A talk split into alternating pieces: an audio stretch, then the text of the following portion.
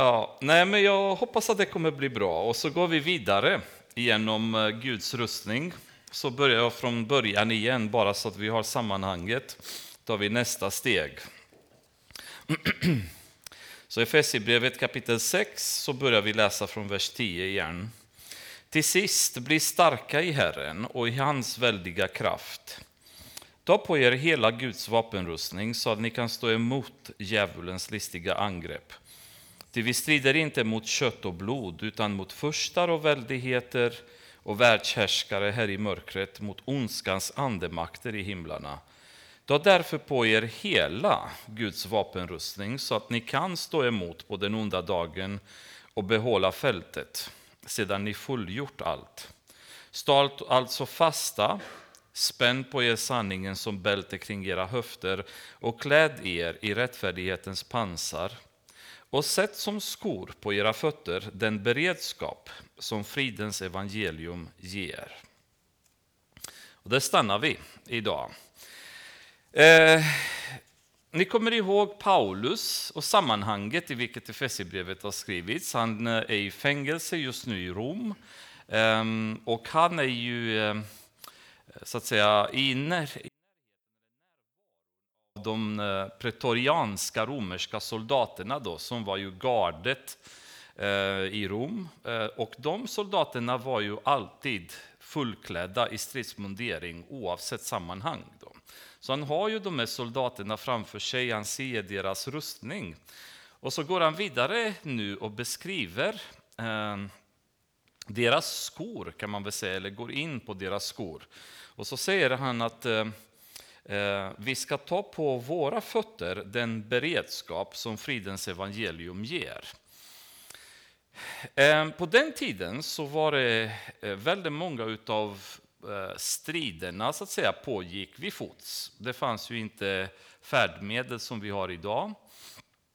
Så det marscherades långa sträckor och de flesta striderna tog, tog plats att säga, på stora fält eller områden där det var oftast till fots. Sen fanns det hästar ibland och kameler ibland och stridsvagnar ibland, men för det mesta så var soldaterna marscherande till fots. Ehm, problemet som blev var att ehm, fienderna hade utvecklat ett system där man borrade i marken pinnar Eh, väldigt korta, vassa pinnar som borrades i marken eller, göm, eller gömdes i gräset. Då. Så att när soldaterna kom marscherades eller eh, när de anföll så trampade de på de här pinnarna och eh, de genomborrade sulorna, så att säga, fotsulorna på soldaterna. Ehm, vilket innebar att på ett väldigt effektivt sätt, eller det var då, dåtidens landminor kan man väl säga. Väldigt effektivt så kunde de få soldaterna ner till marken och därmed okapabla att strida. Och romarna har då utvecklat ett par ehm, skor, eller ett system för deras skor, där de hade väldigt hårda lädersulor för att på så vis förhindra att de med pinnarna gick igenom sulan på skon. Och de, deras sandaler dessutom var rustade med vad vi skulle kunna säga för dubb idag. Då.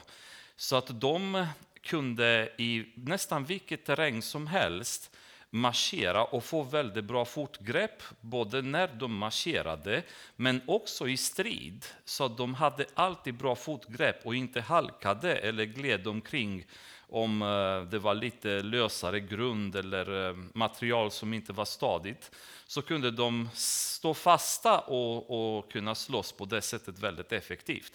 De hade förfinat det så pass så att Julius Caesars arméer de var kända till exempel för att ha vunnit en mängd olika strider på grund av att fienden underskattade eh, rörligheten hos romerska trupperna. Med andra ord, de hade spejare i terrängen och såg att ja, men romerska trupperna de befinner sig så långt bort. Det tar eh, en vecka för dem kanske att komma fram till våra positioner. Och eh, hux flux så dök de upp på bara några dagar därefter. Och det berodde på bland annat deras skor, att de kunde marschera så effektivt. De blev inte lika trötta i benen genom att de gled omkring och, och spände musklerna, utan de hade så bra grepp så de kunde marschera väldigt fort och var väldigt effektiva i strid. Då. Till och med Alexander den store använde de skorna före romarna och eh, hans arméer var också väldigt kända för en enormt snabb rörlighet. Ni kommer ihåg Daniel, han beskrevs som en, en leopard då, det vill säga han rörde sig så extremt fort. Eh, och det berodde bland annat på de här skorna som de hade utvecklat som var så bra att använda. Men i och med de här skorna så plötsligt så lyckades nu romarna vara eh, betydligt mindre sårbara för alla fällor som fienden eh, ställde fram då för, som en smörgåsbord av olika fällor för dem att trampa i och blev inte lika lätt påverkade. Och Paulus tittar på den här soldaten och så får han analogin för oss som kristna att om du inte kan stå, då kan du inte strida. Och om du inte kan gå, så kan du inte komma någonstans. Och jag tycker att det är väldigt intressant när vi ser vad, vad han har valt att associera skorna med.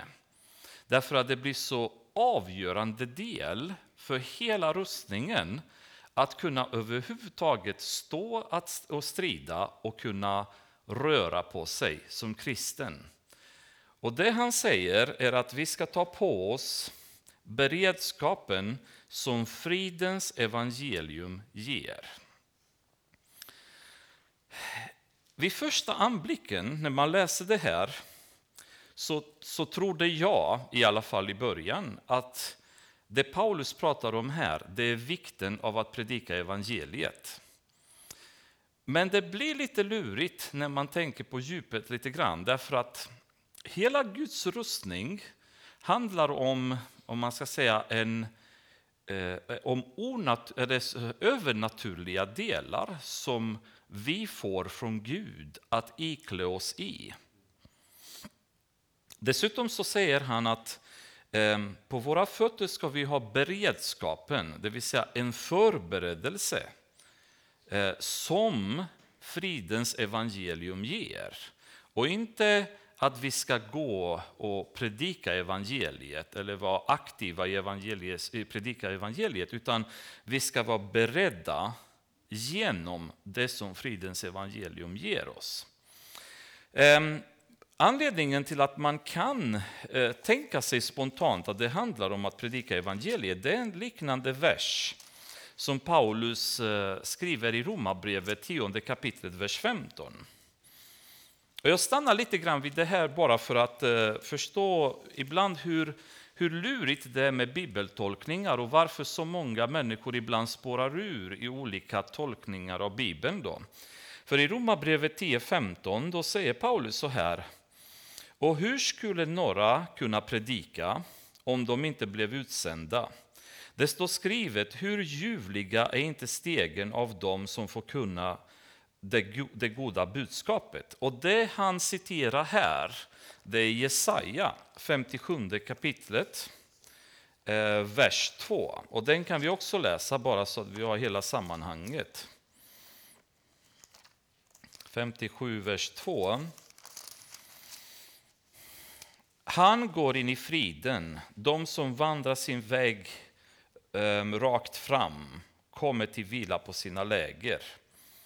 Ehm, och när Paulus pratar om fötterna som är så ljuvliga av de som predikar evangeliet i Romarbrevet 10, då tror vi att det handlar om att predika evangeliet i Efesierbrevet också.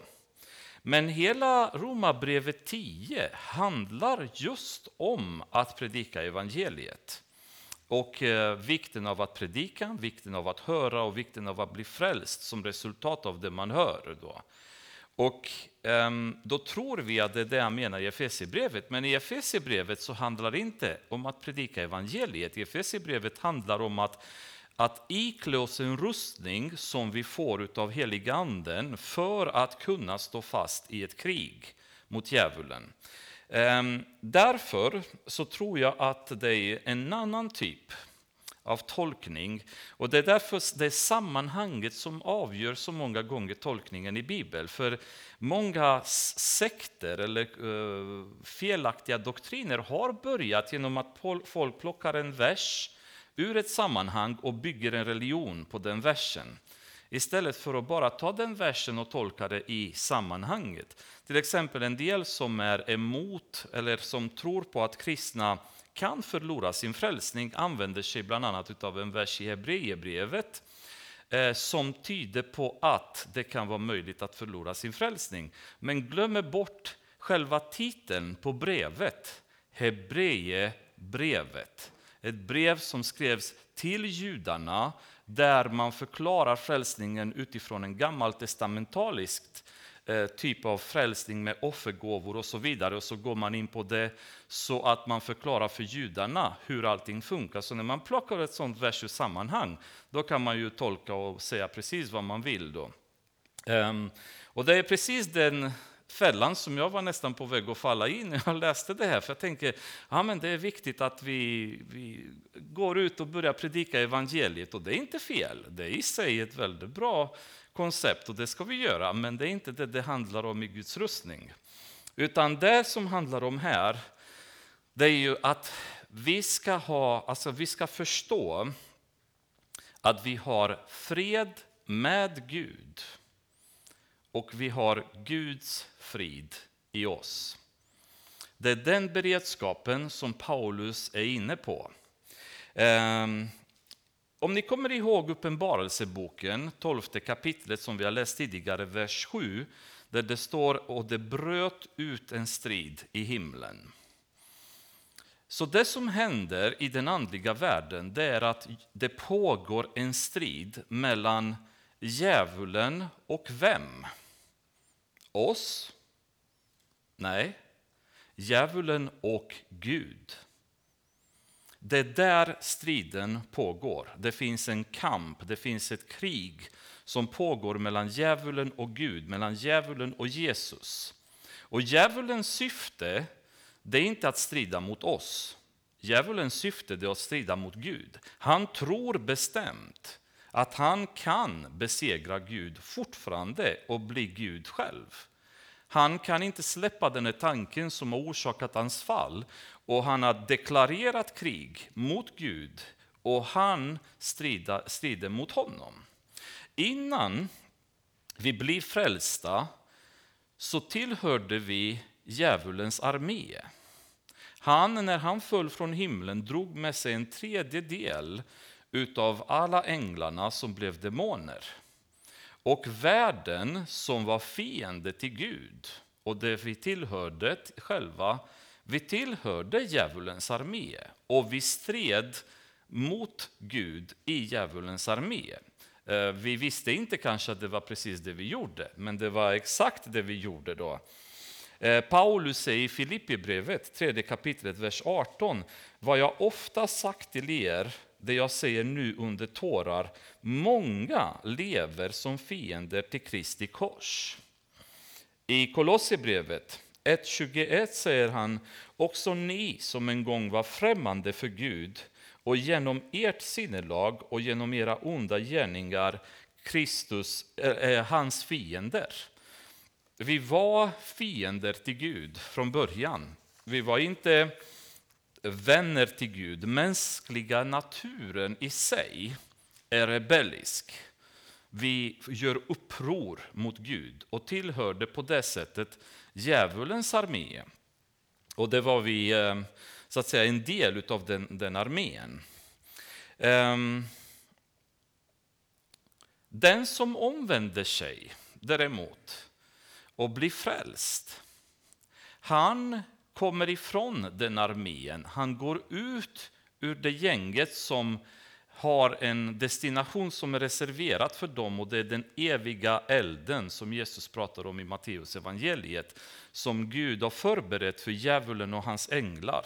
Och där alla som följer honom kommer hamna i och alla som inte har omvänt sig och blivit kristna och blivit frälsta kommer att hamna i. Det finns inget undantag i det, att någon kanske varit snällare och någon kanske varit ondare. Ni kommer ihåg den där bilden som vi pratar om, att om man, om man hoppar från en båt och försöker att simma mot land, de som är duktigast kanske tar sig 100 meter ifrån land och drunknar där. De som är sämre, de drunknar en kilometer från land och så vidare.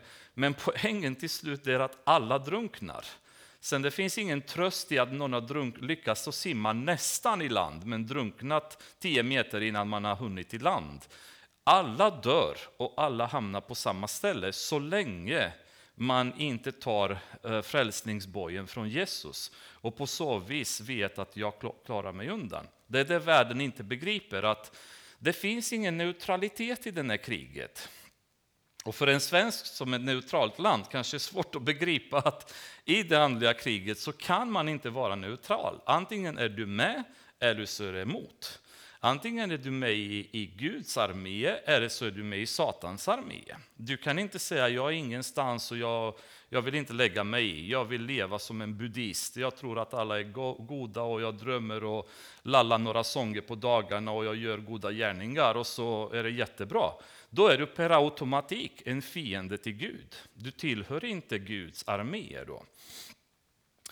Och eh, när vi har blivit frälsta, då har vi kommit ur Satans armé och gått med Guds armé. Vi har blivit hans soldater och inte Satans längre.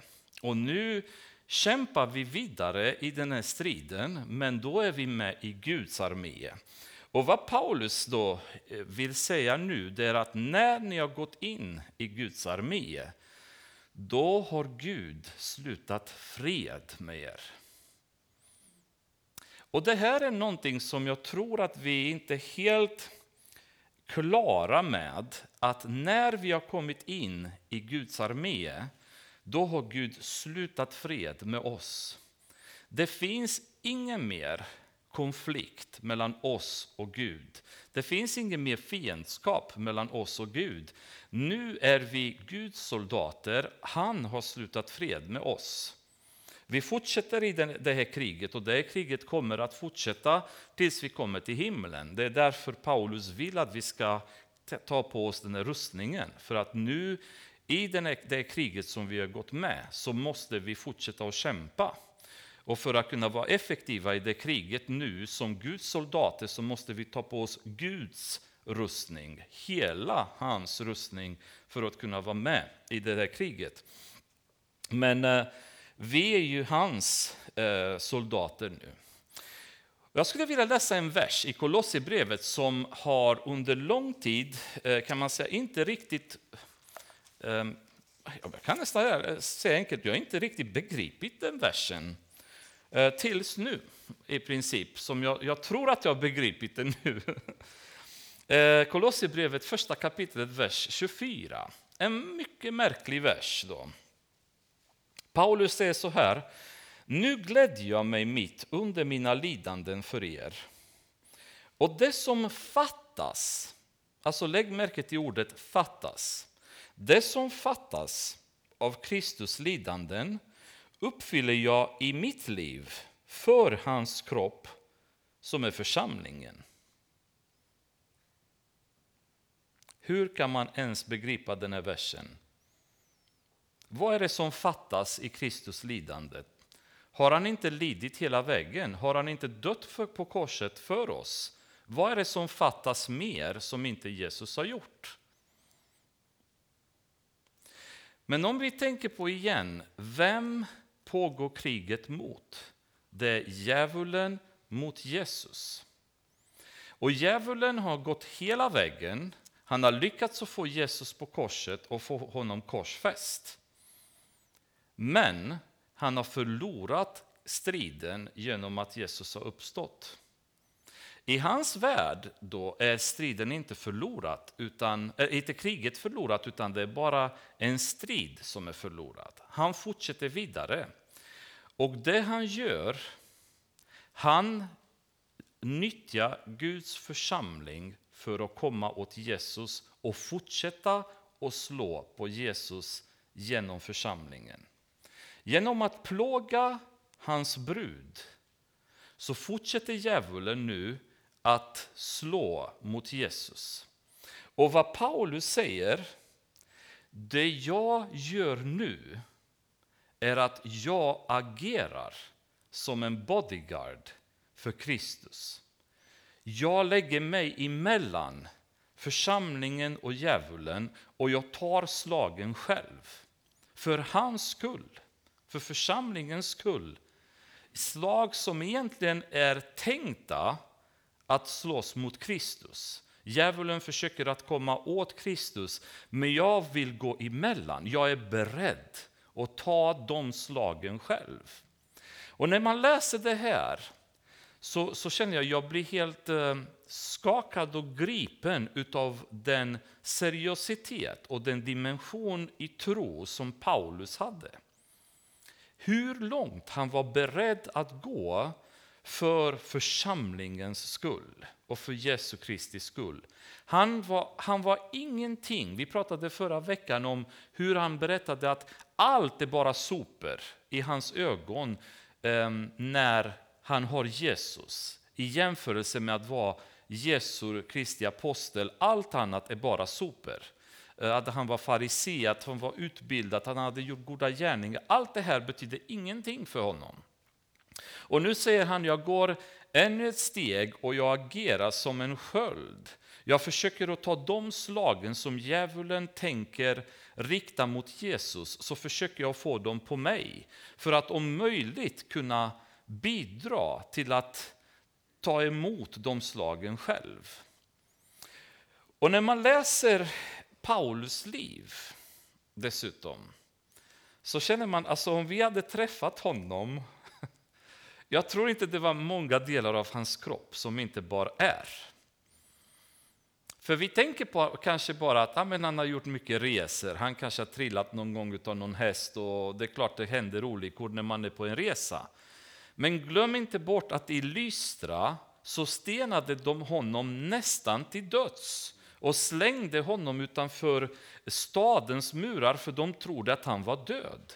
Alltså, stena en människa, du går inte bara därifrån med en bula.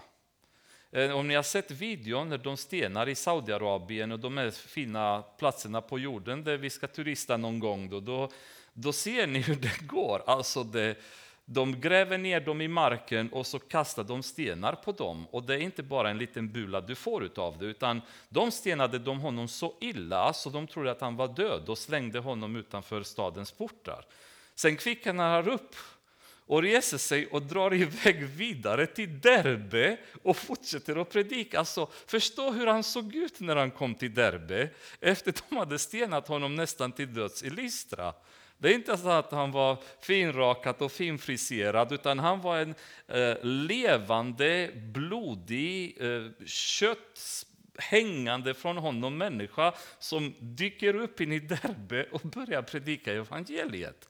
Därför att i hans värld så ville han vara den skölden som tar emot djävulens slag för Jesus skull, för församlingens skull. Han är med i skeppsbrott. Han gör tre extremt långa missionärsresor. Han ligger i fängelse gånger flera då och är i fängelse nu när han skriver detta. Och i hela den här situationen så säger Paulus, men ni måste veta en sak. För att ni ska kunna stå och för att ni ska kunna gå så måste ni förstå att ni har fred med Gud. Gud är inte emot er längre, utan Gud är för er nu. Det finns ingen mer fiendskap mellan er och Gud. Och det är ju, det är ju grundläggande. För det är ju ändå så här att som soldater i Guds armé så vacklar vi ibland. Eh, I stridens hetta så börjar vi snubbla, vi kanske faller på knäna, vi börjar skada oss. Eh, ibland så blir vi trötta också när striden intensifieras och, och tar lång tid och attackerna blir multipla och, och fienden tar ingen rast utan anfaller och anfaller och anfaller hela tiden. Um, ibland är det faktiskt så illa att många av oss vill retirera till och med. Vi orkar inte pressa framåt längre utan vi vill vända och fly.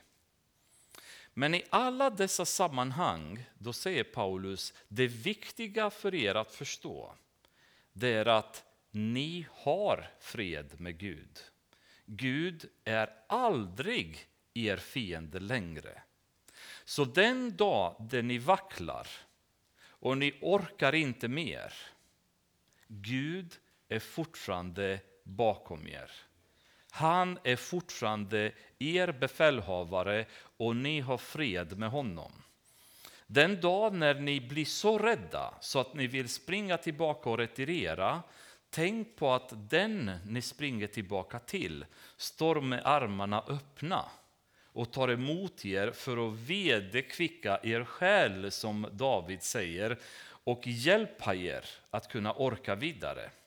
När ryssarna i andra världskriget mötte tyska armén i inledande fasen av kriget så eh, var tyska Wehrmacht så extremt effektiva så eh, ryssarna var fullständigt oförberedda så de bara retirerade, alltså stora armé efter armé efter armé bara vände ryggen och stack hem med allt de bara hade. Så för att förhindra detta så beordrade Stalin NKVD-trupperna, som var ju lite grann säkerhetspolisens trupper då kan man säga, att positionera sig bakom ryska armén och alla som retirerade så blev de nermejade utav sina egna eh, så att säga, kumpaner, vilket innebar att de hamnade i en en tång där, där om du åkte fram och drog framåt då blev du nermejad av tyskarna, men om du retirerade då var det dina egna som sköt ner det. Men det är inte den bilden vi har av Gud. För ibland så tror vi, bara för att vi är trötta och orkeslösa och vi har råkat synda och vi har råkat vackla och vi har råkat springa tillbaka utav rädsla, att Gud står där och pucklar på oss arg som en, en slavdrivare för att vi inte presterar till den nivå som han har krävt och förväntar sig att vi ska prestera. Utan bakom oss, då har vi honom som har skapat oss. Om, om djävulen är så att han plågar sina soldater och soldaterna plågar sig själva i djävulens armé. I Guds armé händer det aldrig så. I Guds armé är den som leder armén för oss. Paulus säger i Romarbrevet 8.31 att om Gud är för oss, vem kan vara emot oss? När han är bakom oss och stödjer och Jesus är vår advokat och kämpar för oss och heliganden är den som suktar inifrån oss till Gud. Det är den styrkan och det, är det stödet vi har utav vår befälhavare i armén. Och vi har fred med honom för alltid. Därför att i Jesus så är vi hans och han har längtat efter att ha oss. Till skillnad från djävulen så älskar Gud sina soldater. Inte plågar dem och hatar dem. Och han, han hjälper dem och inte trycker ner dem. Och Det tror jag är en, en tanke som Paulus tycker är så viktig att vi har. Därför att det han vill att vi förstår, det är att den dagen det händer att någon av oss har tappat orken att komma till kyrkan, till exempel. Vi, eh, vi orkar inte utan någon anledning. Vi är för trötta, vi är sjuka, vi har bråkat med någon i församlingen, vi har andra intressen eller vad som helst. Men innerst inne så är det den tanken som bara eh, så att säga, trycker ner oss och vi känner bara att allt det är inte bra, det är inte bra, jag är inte värdig, jag kan inget, jag, inte, jag får inte vara med längre och så vidare. I bakhuvudet så säger Paulus, glöm inte att det finns ingen mer konflikt mellan dig och Gud. Den dag där du bestämmer dig att komma tillbaka så är din befälhavare fortfarande där med armarna öppna och tar emot dig. Om du har valt att någon gång, medvetet eller omedvetet, gå in i en synd och tillåtit dig ligga kvar där, så har du ingen befälhavare som kommer och trycker ner dig och trycker eh, foten på ditt huvud och bestraffar dig, utan du har en befälhavare som kommer och lyfter upp dig, som läker dina sår, som plåstrar ihop dig, som visar dig kärlek. Mer kärlek kanske än du skulle förtjäna. Men när han tittar på dig så ser han en, en, en kär soldat som kämpat men som tillfälligt inte orkat och fallit ner. Och han kommer dit och lyfter upp dig. Han kommer dit och hjälper dig. Han kommer aldrig vara din fiende längre, utan han kommer alltid vara den som hjälper dig. Och utan den vetskapen så tror jag det är väldigt svårt för oss att navigera som kristna. Därför att de dagar när vi vaknar på fel sida av sängen och inte lever den det präktiga livet som vi vet att vi måste leva och vi känner att vi är värdelösa, vi, vi, vi kan ingenting, Gud måste hata oss. Det är inte ens lönt att vi försöker mer för det här går ingenstans. Eh, prövningarna är bara hårdare och hårdare och vi, vi, vi tror inte riktigt att han ens älskar oss. Så säger Paulus, vetskapen att, att, som ni har om att det är en freds ett fredsavtal mellan er och Gud som är för evigt kommer hjälpa er att kunna medverka vidare i kriget, att orka gå vidare. då.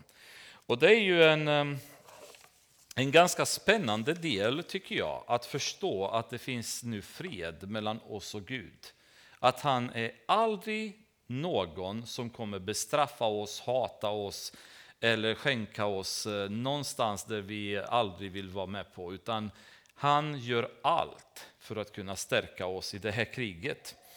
Um, vetskapen också om att vi har fred med Gud leder också till nästa steg där vi får då Guds frid i oss. För att När, när man har varit så att säga, i djävulens armé så har man levt ett fruktansvärt hårt liv. Det är inte en befälhavare som älskar som sagt sina soldater och tar väl hand om dem, utan det är en befälhavare som plågar sin armé hårt. Och de som tillhör armén själva, de är inte jättesnälla mot varandra heller. Det är inte människor som stödjer varandra, som älskar varandra, som bär varandras bördor och så vidare, som Paulus bland annat uppmanade oss i fjärde kapitlet till exempel att göra. Utan det är människor som, som är själviska, det är människor som är mördare, det är människor som är tjuvaktiga, det är bedragare. Det är de som tillhör den här armén. Och bland dem befann vi oss också. Och vi levde den här tillvaron dagligen med kumpaner, med människor runt omkring oss som var onda och vi var en del av det. Och vår befälhavare plågade oss hårt. Och när vi kommer från den här armén till Gud så kommer väldigt många, när, när de blir frälsta, det är nästan man skulle kunna associera som en soldat som återkommer från ett krig och lider av posttraumatiskt stresssyndrom. Vi kommer traumatiserade till Gud. Vi kommer krypande så att säga och knappt orkes, eh, vi har ingen ork i oss. Och vi är, vi är bombarderade av oro och stress och rädsla. Och så kommer vi till Guds armé. Och här är det ju harmoni, det är ljus, det är fridfullt. Och det blir som en läkningsprocess för den som kommer och blir frälst. Ni förstår varför många, så många efter de blir frälsta, de är nästan så som i en trans, därför att de har aldrig upplevt det tidigare. I världen får du aldrig uppleva känslan av att vakna på morgonen och känna helige anden i dig. Med det som helige anden har, med frid, med glädje, med eh, ljus, Det finns inget sånt. Lev, alltså, världen lever i mörkret. De upplever inte det. Det är oro, det är ångest. Och det är ju hela tiden stress som plågar människorna och en rädsla för allt egentligen. De vet aldrig var de är på väg, vad meningen med livet är.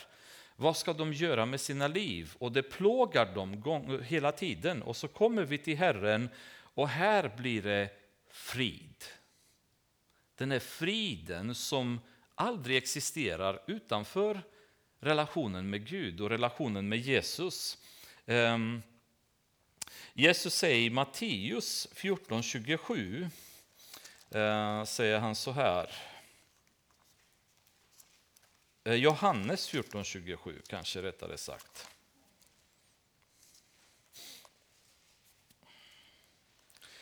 Han säger frid lämnar jag efter mig åt er. Min frid ger jag er. Inte ger jag er en sådan frid som världen ger. Alltså innan vi har kommit till Jesus så vet vi inte ens vad frid är. Världen har inget begrepp, ingen kunskap, ingen känsla över vad det innebär att känna frid i ditt hjärta. Och känna att oron är borta, att det är balanserat och det är harmoniskt och det är skönt. Och Jesus säger, jag ger er inte den här friden som världen ger, jag ger er min frid. Och när vi har fått fred med honom, då får vi hans frid i vårt hjärta. Och det är det som är så fantastiskt. Och en av de eh, mäktigaste verserna tycker jag i Bibeln, jag tror jag har det för, sagt det förut om några andra verser, men det här tycker jag är, är mäktigt. Filipperbrevet, fjärde kapitlet. Jag tror säkert ni, ni vet redan vad det, det kommer. Gläd er alltid i Herren, vers 4. Än en gång vill jag säga, gläd er. Låt alla människor se hur vänliga ni är. Herren är nära. Gör er inga bekymmer för något, utan låt Gud i allt få veta era önskningar genom åkallan och bön och tacksägelse. Då ska Guds frid, som övergår allt förstånd, bevara era hjärtan och era tankar i Kristus Jesus. Alltså jag tycker det är så, så häftigt. Guds frid som övergår all förstånd. Vi kan försöka att analysera, vi kan försöka att förstå vad det innebär att ha Guds frid, men det är helt omöjligt. Därför att det finns ingen människa på jorden som någonsin kan förstå vad det innebär att ha Guds frid. Men Paulus säger så här. När, när ni slutar oroa er, när ni slutar oroa er och när ni kommer glädja er inför Herren, det är då ni kommer få hans frid. För varför ska jag som befinner mig i Guds armé behöva oroa mig? När Gud är vår försörjare. Det står i Gamla testamentet, ett av Guds namn. Han är vår försörjare. När det står att han som är med oss, eller han som är i oss är större än han som är i världen. När vi vet redan att djävulen är besegrad. När vi vet att Gud har sagt sök ni först mitt rike och allt annat kommer jag fixa åt er. Ni behöver inte oroa er. Titta på, på, på fåglarna, på sparvarna. De varken sår eller skördar. Titta på liljorna ute på fältet, hur Gud klär dem. De behöver inte sy, de behöver inte fixa kläder. Gud sköter det. Och Jesus säger, tänk inte på det. Oroa er inte för det. Allt, allt är redan fixat. Allt är redan förberett. Det finns ingen synd som Gud inte kan förlåta därför att Kristi blod täcker oss. Det finns ingen prövning som ni inte kan klara att gå igenom, för Gud med prövningen har redan förberett vägen ut ur prövningen för er. Det finns ingen anledning att oroa sig. Ta på mig mitt ok, för mitt ok är lätt, säger Jesus, och jag kommer bära era bördor. Ni behöver inte bära bördorna längre själva. Så hur kommer det sig att det är så många kristna i församlingar idag som är deprimerade? Vad är det vi har missat någonstans på vägen, eller inte förstått? Varför är vi deprimerande i Guds församling? Varför är vi ångestladdade i Guds församling? Vad är det vi har missat? Och Paulus säger, det ni ska inte missa, det är att ni har fred med Gud och ni har Guds frid som övergår all förstånd tillgänglig att ha i er. Då kommer ni kunna stå fast. Då kommer ni inte vackla i, stridet, i striden. Då kommer ni inte kunna eh, så att säga, ramla ner, utan då kan ni avancera och avancera fort.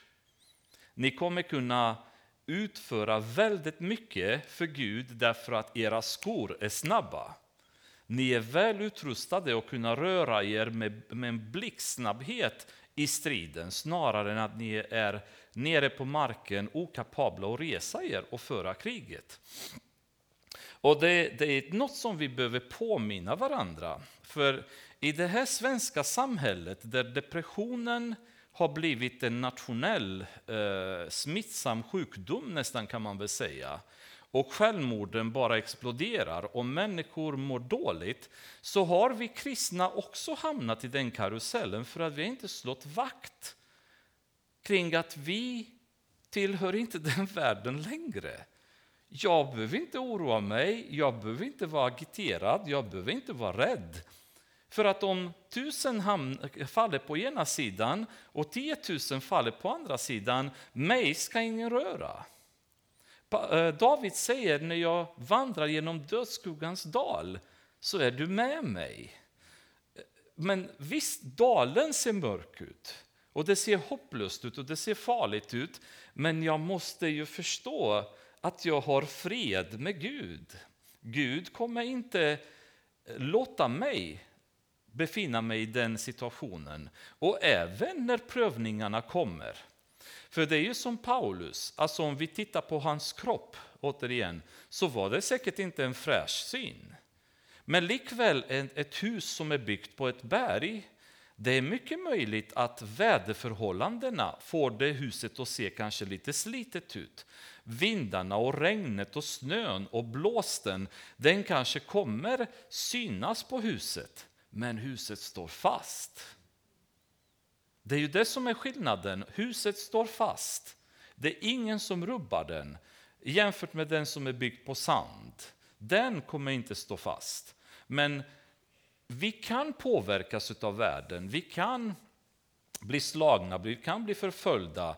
Vi kan bli anfallna med oro, med ångest, med problem, med synder i olika former. Men vi ska stå fast. För att då sätter vi dubben i marken och då står vi fast. Och i striden så får vi slag. Vi kanske blöder, vi kommer bli trötta, vi kommer bli jättesvettiga. Det kanske kommer bli tufft, men vi kommer stå fast. Och Paulus säger, när ni förstår att ni har fred med Gud och Guds frid kommer i er, då kan ni stå fast i striden. Då ger ni inte upp då.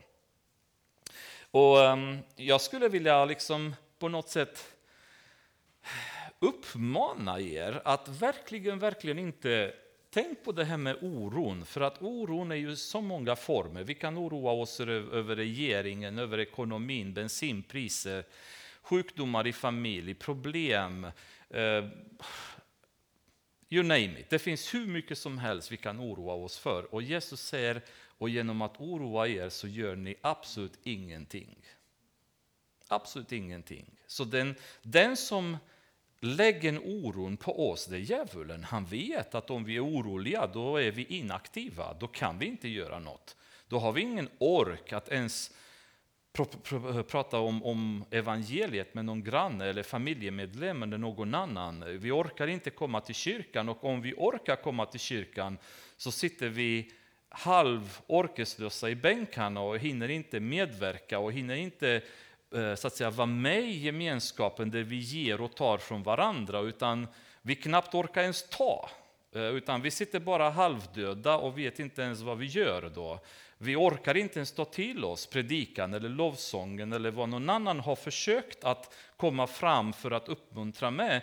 Vi är ju så borta så vi orkar ingenting då, därför att oron fullständigt tynger oss.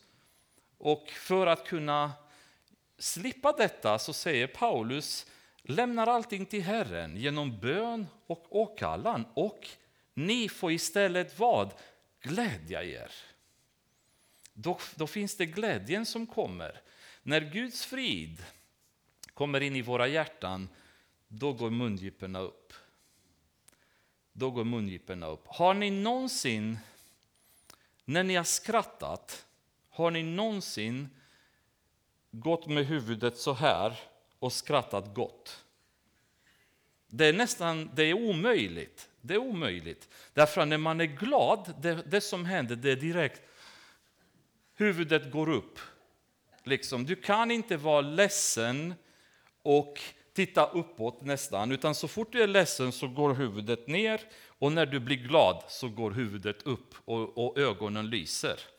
Och det är ju den, den så att säga, inställningen som vi har. Och jag menar inte att vi ska hålla på med skrattväckelser som det har varit i Toronto och sådana galna grejer, utan det jag menar att vi när vi är med Herren, då kommer ni se hur ofta vi har mungiporna uppåt istället för neråt som kristna. För det är inte så superattraktivt eh, för våra grannar. För se, se, vad säger Paulus här i vers 4? Han säger låt alla människor se hur vänliga ni är. Aha, tänker jag.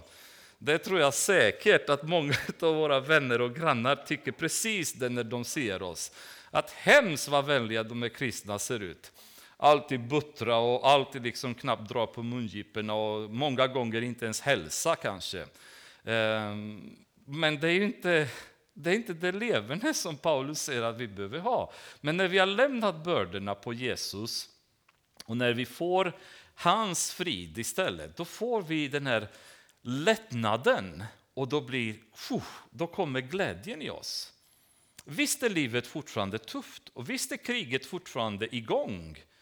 Men då har vi skorna, då har vi rätt skor på oss. Då kan vi liksom vara med i kriget och strida rätt då. Jämfört med att gå barfota i de här pinnarna som sticker in i våra fotsulor från alla håll och, och, och handikappar oss så att säga i kriget. Och det är ju... Um, jag skulle vilja i avslutningen bara uh, nämna en, en äkta berättelse. Då. Det finns en herre som heter um, Horatio Spafford.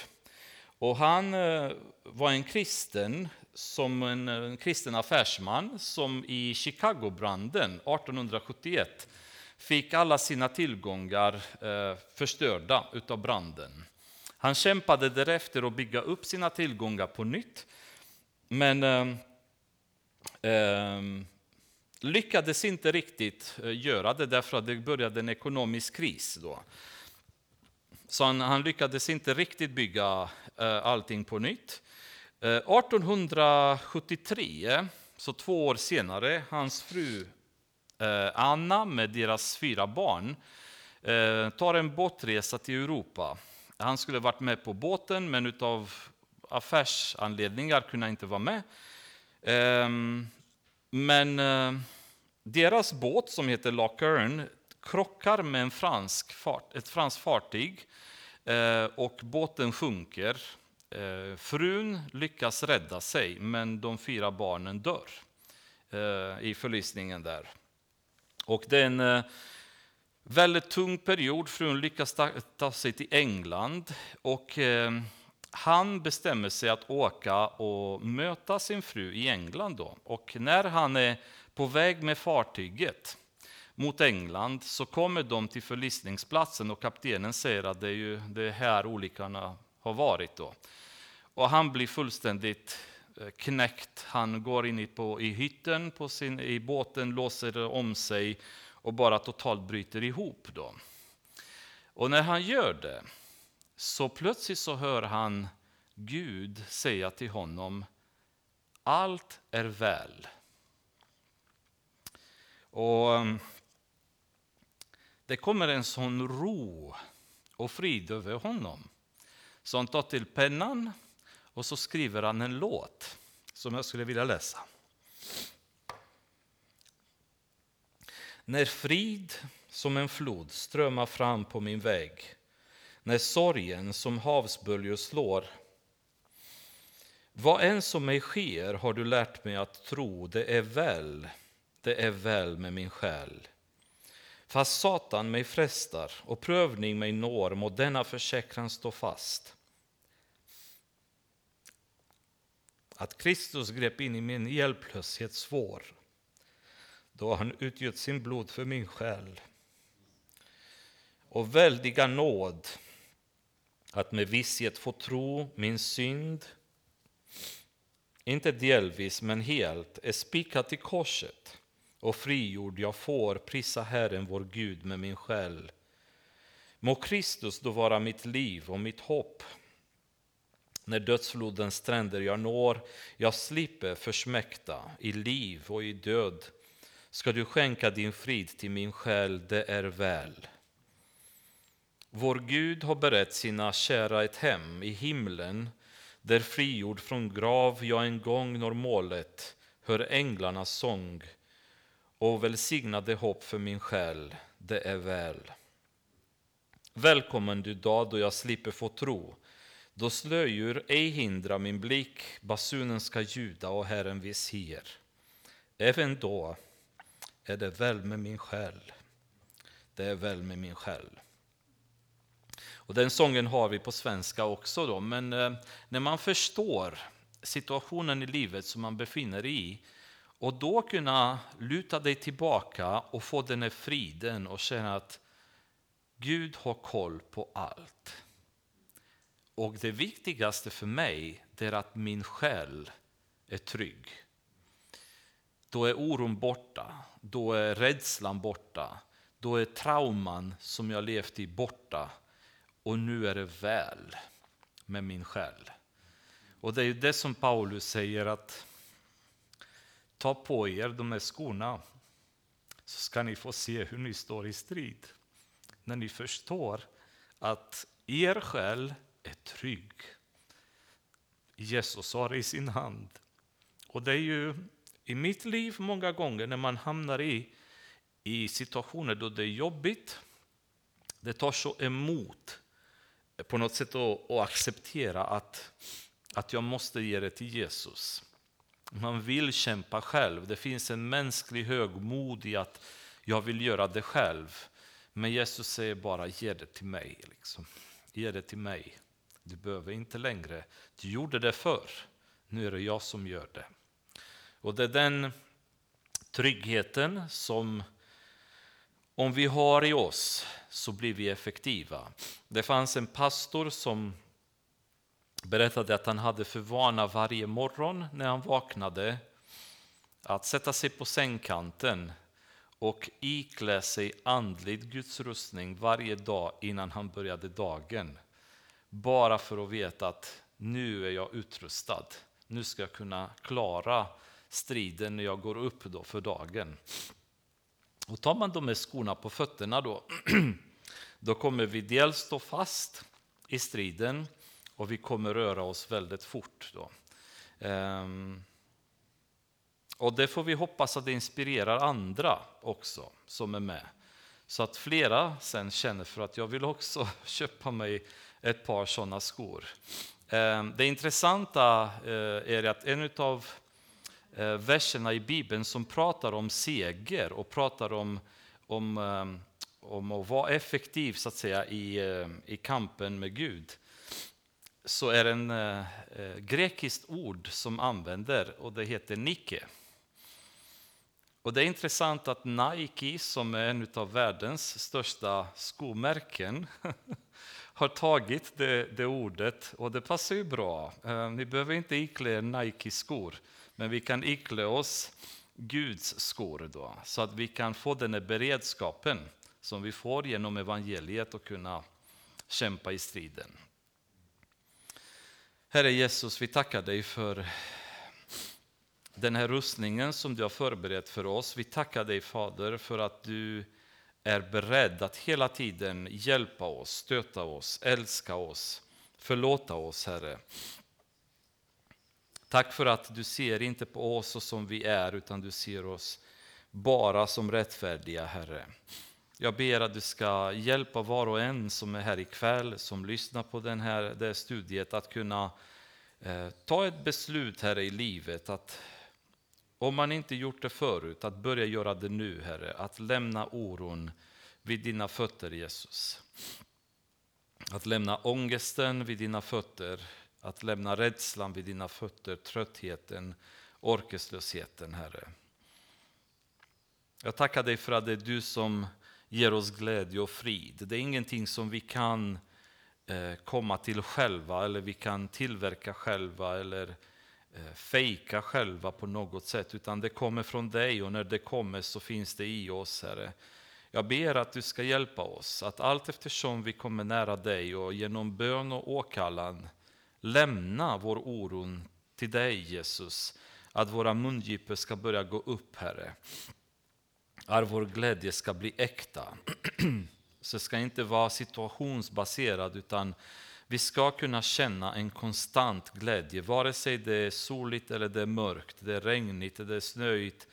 Vare sig det stormar i livet eller det är lugnt, Herre, så får glädjen finnas kvar lika konstant. Det ska vara kopplat till dig, Jesus, och inte till omständigheter så att vi kan orka kämpa i den här striden, Herre. Jag ber att du ska hjälpa oss att vara skickliga soldater för dig. Att vi som Paulus, Herre, ska kunna, ska kunna eh, komplettera för det som du inte har gått igenom, Jesus. De slag som djävulen fortfarande inte utdelat dig, Herre, att vi ska kunna ta emot själva. Och vi ska göra det med glädje, Herre. Inte med gnäll, inte med protest, utan med glädje, Herre. Att vi får vara värdiga att ta de slagen för dig, Jesus. I ditt underbara namn ber vi, Herre. Amen.